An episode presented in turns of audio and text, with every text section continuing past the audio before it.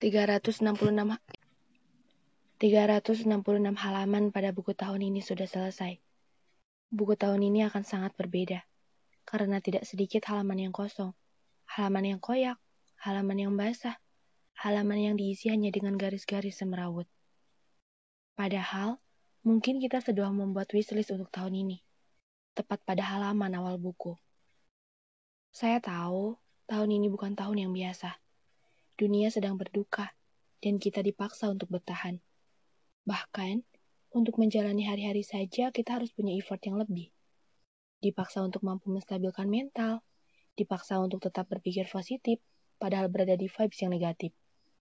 Dipaksa untuk tetap menerima keadaan yang mungkin memang harus seperti ini.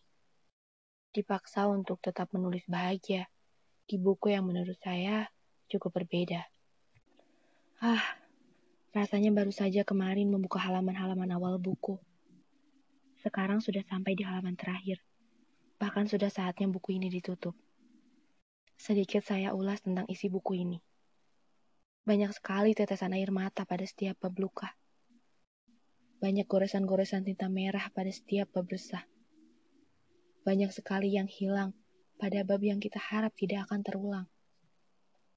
Yang paling menyedihkan dari setiap bab kesedihan adalah tidak sedikit orang yang kehilangan dirinya sendiri. Yang paling menyedihkan dari setiap bab kesedihan adalah tidak sedikit orang yang kehilangan dirinya sendiri. Siapa aku? Bisa apa aku?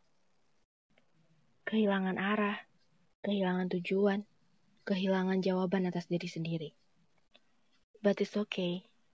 At least kita sudah berjuang untuk menciptakan hal-hal indah pada setiap halaman. Halaman yang ditulis dengan berbagai warna tinta. Sehingga sedikit membuat buku ini berwarna. Halaman yang diisi dengan penghuni-penghuni baru yang menyenangkan. Mereka membuat halaman-halaman terakhir di buku saya bermakna. Terima kasih 2020. Terima kasih aku. Terima kasih kamu. Terima kasih telah mampu bertahan, menciptakan hal-hal baru di tahun yang pilu. Terima kasih untuk semua kesedihan, pembelajaran, pengalaman, dan kebaikan. Dan selamat datang di tahun yang baru, di buku yang baru, dan di cerita yang baru. Semoga setiap halaman bisa kita isi dengan hal yang menyenangkan. Semoga setiap halaman bisa kita isi dengan hal yang menyenangkan. Semoga tidak ada pilu untuk tahun yang baru. Semoga harap dan cita bisa terlaksana. Semoga apa yang hilang di tahun yang lalu bisa kita temukan lagi di tahun yang baru. Dengan cinta untuk kita semua. Banyak manusia yang keras sekali memperjuangkan sesuatu.